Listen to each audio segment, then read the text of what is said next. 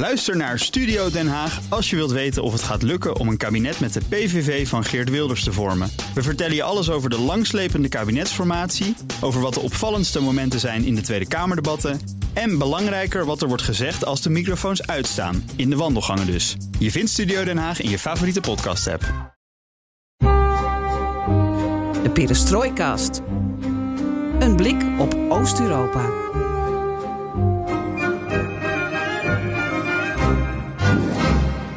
Welkom bij BNR Perestroikast, aflevering 154 van de enige podcast van Nederland die volledig oog voor het oosten heeft en geeft. Je staat op het punt om te gaan luisteren naar een shortcast. Jawel, het is shortcast nummer 2 uh, van deze week, of eigenlijk van deze dag. Want we hebben nog een extra update over Gerson. En dat zit als volgt. Vandaag ben ik op bezoek geweest bij Dirk en Piotr Sauer.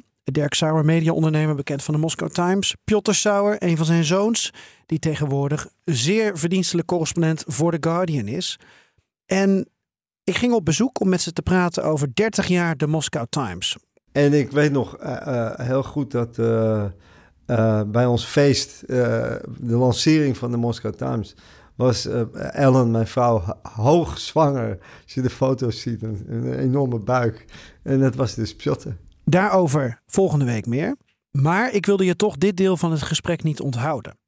Want dit gaat over de gebeurtenissen van deze week. Over de Russische terugtrekking uit Gerson. Althans, dat is het verhaal. Uh, lijkt een beetje too good to be true natuurlijk. Um, ze vertrouwen de Russen niet. Ik zou als Oekraïne ook de Russen natuurlijk niet meer vertrouwen. Maar uh, ik, ik zie nog niks uh, dat aanwijst dat dit een trap is van Rusland. En zelfs als het een trap is, dan Oekraïne slim genoeg om er niet in te vallen. Maar met welk verhaal vertellen de politici dat dan aan de Russische bevolking? Waarom wordt dat geslikt? Waarom wordt dat geaccepteerd, ondanks oorlogsretoriek die al maandenlang gaande is? Hoe verkoop je dit aan de Russische bevolking? Nou, dat deel van het gesprek met Dirk en Piotr Sauer, dat wilde ik je gewoon niet onthouden. En we weten niet wat er de komende dagen staat te gebeuren. En om die reden is het belangrijk om dit toch al online te zetten. Floris zit in Kiev, zoals je in update 153 hebt gehoord. En is ja, uh, beperkt beschikbaar. En dat betekent dat ik uh, nu even zelf deze inleiding doe. Ik wens je veel plezier, ook namens Floris Akkerman. Ik ben Geert-Jan Haan. Je luistert naar BNR Perestroikast.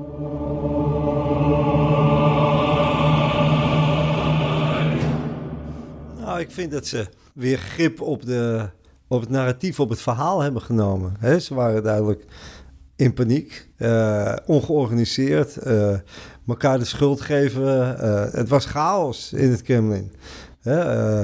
ze vielen over elkaar heen. En eigenlijk sinds die toespraak van, die Valdai-toespraak van Poetin, zag ik eigenlijk de, de oude Poetin terug. Hè? Uh, in controle, weer veel relaxter. En het komt omdat ze een nieuw verhaal hebben. En dat verhaal is, uh, dit wordt een lange oorlog. Wij hebben geen haast. De long game. Um, en daar past dit ook in. En, en Piotr zegt eigenlijk al, en dat schrijft hij ook al, al dagen, weken, dat Gerson, dat, dat geven ze op. Maar in een gecontroleerde manier. En daar past ook een gecontroleerd verhaal naar de Russen toe. En dit is veel beter. Hè? Kijk, ze, leggen nu enorm de nadruk op... we redden levens van de Russen, van de soldaten. Um, daar staat het, de bevolking natuurlijk op te wachten... vanwege de slachting die daar nu plaatsvindt. Hè? En dat, er nu, dat de autoriteiten nu zeggen: Oh, we, we, hebben te doen met die soldaten. Dat is natuurlijk een ontzettend belangrijk narratief. Ja, nee, dat uh, precies wat Dirk zegt. Um, um, je ziet uh, als je naar peilingen kijkt dat uh, Russen vooral niet heel, heel erg willen dat de oorlog nog heel lang doorgaat. Um, dat wil Poetin natuurlijk wel. Maar wat, wat de Russen wel uh, heel bezighoudt zijn de mensen die doodgaan. Uh, de, uh, en, en, en, en die speech van Surovikin en van Shoigu ging het echt vooral om de soldaten die ze gaan redden, zeg maar. Dus ja, dat zien ze en daar spelen ze nu op. Maar gaan ze die ook redden? Nou, ik denk dat ze, ze hadden kunnen kiezen en als Poetin echt alleen maar met zijn hart dacht, en, maar, maar niet uh, praktisch. En, maar uiteindelijk doet hij, is hij wel pragmatischer dan we dachten. Zouden ze Gerson kunnen blijven en daar een slag van kunnen maken. Dan zouden ze uiteindelijk toch verliezen, denk ik. Omdat uh, het is super, heel moeilijk om het uh, nog te supplyen. Maar uiteindelijk hebben ze gekozen voor de meer rationale optie. En dat is weg te gaan. En als Oekraïne tijdens dat vertrek van de Russen uit Gerson hen beschiet, dan zijn de Oekraïners de bad guys. Dat, dat sowieso, uh, volgens de Russische media. Maar ik denk dat ze het zo nu wel hebben opgezet dat de A zijn al veel Russen weg uh, en B kunnen ze dit wel volhouden zonder tienduizenden doden. Dus Dirk zag de uh, Valdai speech en Jij zag eerder ook de aanstelling van Surovikin eigenlijk al als een signaal van er komt een nieuw verhaal. Ja, omdat uh, eigenlijk eerst wat Surovikin zei een maand geleden... dat er moeilijke beslissingen gaan uh, worden genomen over Gerson. Waren mensen die zeiden kernbom? Ja, nee, ik, uh, omdat hij zei dat specifiek in in context van Gerson. Dus het ging voor mij echt meteen over Gerson. Um, en ze wisten dat ze moesten iemand aanzetten die populair is onder de Hawks. Dus onder de Kadyrovs en de Prigozhins. En hij is echt hun man. Hè? Um, hij is goede vrienden met Prigozhin uh, van de tijd van Syrië. Uh, waar hij commandant was en uh, met Wagner leger zat. Dus ze hadden iemand nodig die ze konden gebruiken een beetje als scapegoat. Maar die ook populair was onder de Hawks.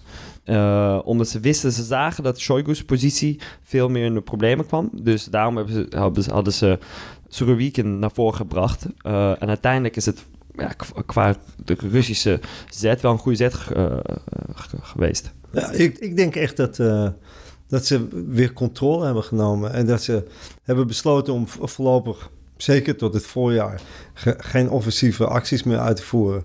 Ingraven.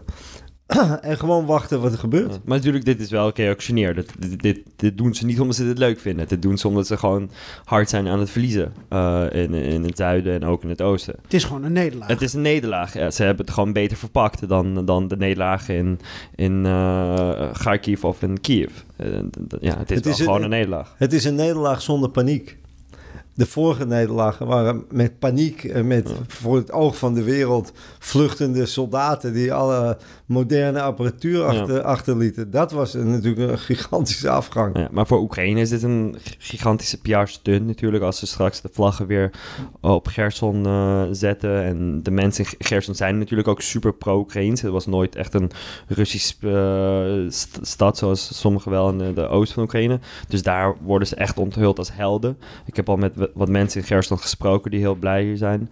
Dus ik denk voor, Gerson, uh, voor Oekraïne en ook voor het Westen is dit wel natuurlijk een grote, grote overwinning. Ja, maar toch zijn er wel aardig wat Oekraïners die een beetje meegaan met uh, het verhaal van Zelensky nu ook en nog niet helemaal durven te geloven. Ja, ja ik bedoel, het is, uh, lijkt een beetje too good to be true natuurlijk.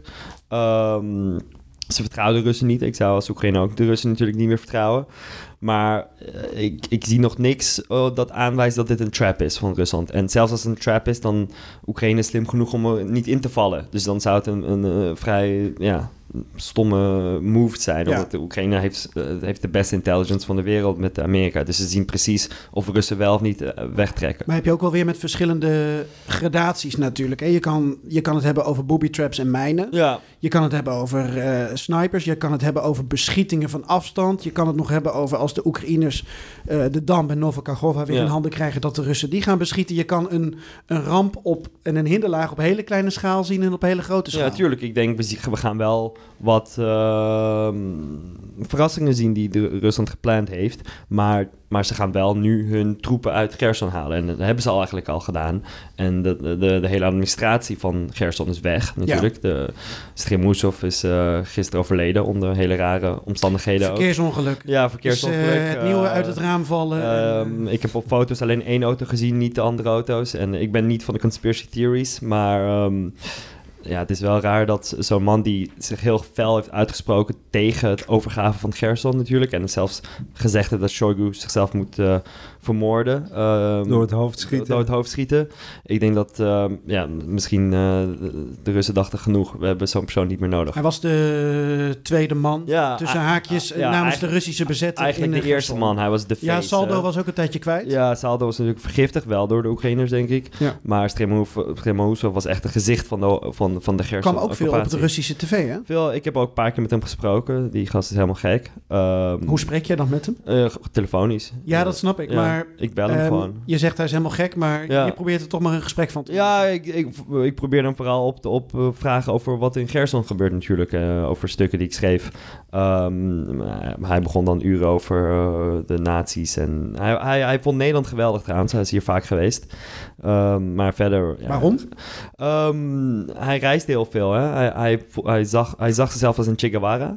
Hij had ook om, hij had, eh, ooit een, eh, met een brommer door heel Zuid-Amerika gereden. Op motorfiets. Dus ehm, ja, hij reist veel. Maar, maar ja, was, die gast is natuurlijk niet normaal. Eh, gek. Je moet het eigenlijk in verleden tijd nu zeggen. Ja, ja, ja, ja. Maar ik had hem de, gisterenochtend nog een bericht gestuurd om 11 uur 's ochtends. Hoe, wat is de stand in Gerson? Ehm, die had hij nog gezien. En een uur le- eh, later was hij eh, dood. Het was geen goede dag voor hem. Geen goede dag voor allerlei hem. redenen. Nee, nee, nee, nee. Nee. Een tragische figuur. ehm, maar die zegt, zo'n figuur zegt wel veel over het moderne Rusland natuurlijk. Dat Ja. zulke figuren toch prominent kunnen worden en naar het Kremlin worden uitgenodigd en met Poetin foto's nemen. Ja, volgende week dus het hele interview met Dirk en Piotr Sauer. Dan hoor je ook Floris trouwens, die toch nog eh, wat kon vragen op afstand. En we gaan het dan ook hebben over de ja, viering is het eigenlijk van 30 jaar de Moscow Times en van onafhankelijke journalistiek in Rusland. Een evenement op 30 november in de Rode Hoed. Daar kun je nog naartoe, daar zijn nog kaarten voor. Ik zal eens even kijken. Ja, er zijn nog kaarten voor, ik zie het hier. En ze hebben een aantal interessante gasten, die wil ik je toch niet onthouden. Denk bijvoorbeeld aan Catherine Belton, die natuurlijk dat weergeloze boek over Poetin heeft geschreven.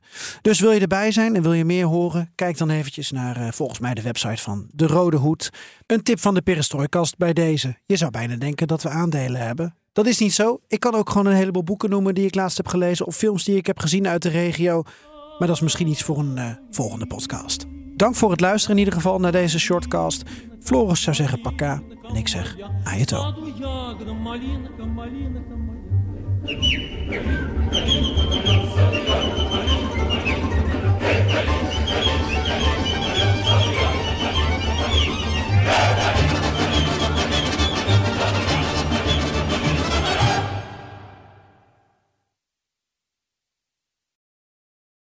Ook Thomas van Zeil vind je in de BNR-app. Je kunt live naar mij luisteren in Zaken doen, de BNR-app met breaking news, het laatste zakelijke nieuws en je vindt er alle BNR-podcasts, bijvoorbeeld Het Nieuwe Geld. Download nu de gratis BNR-app en blijf scherp.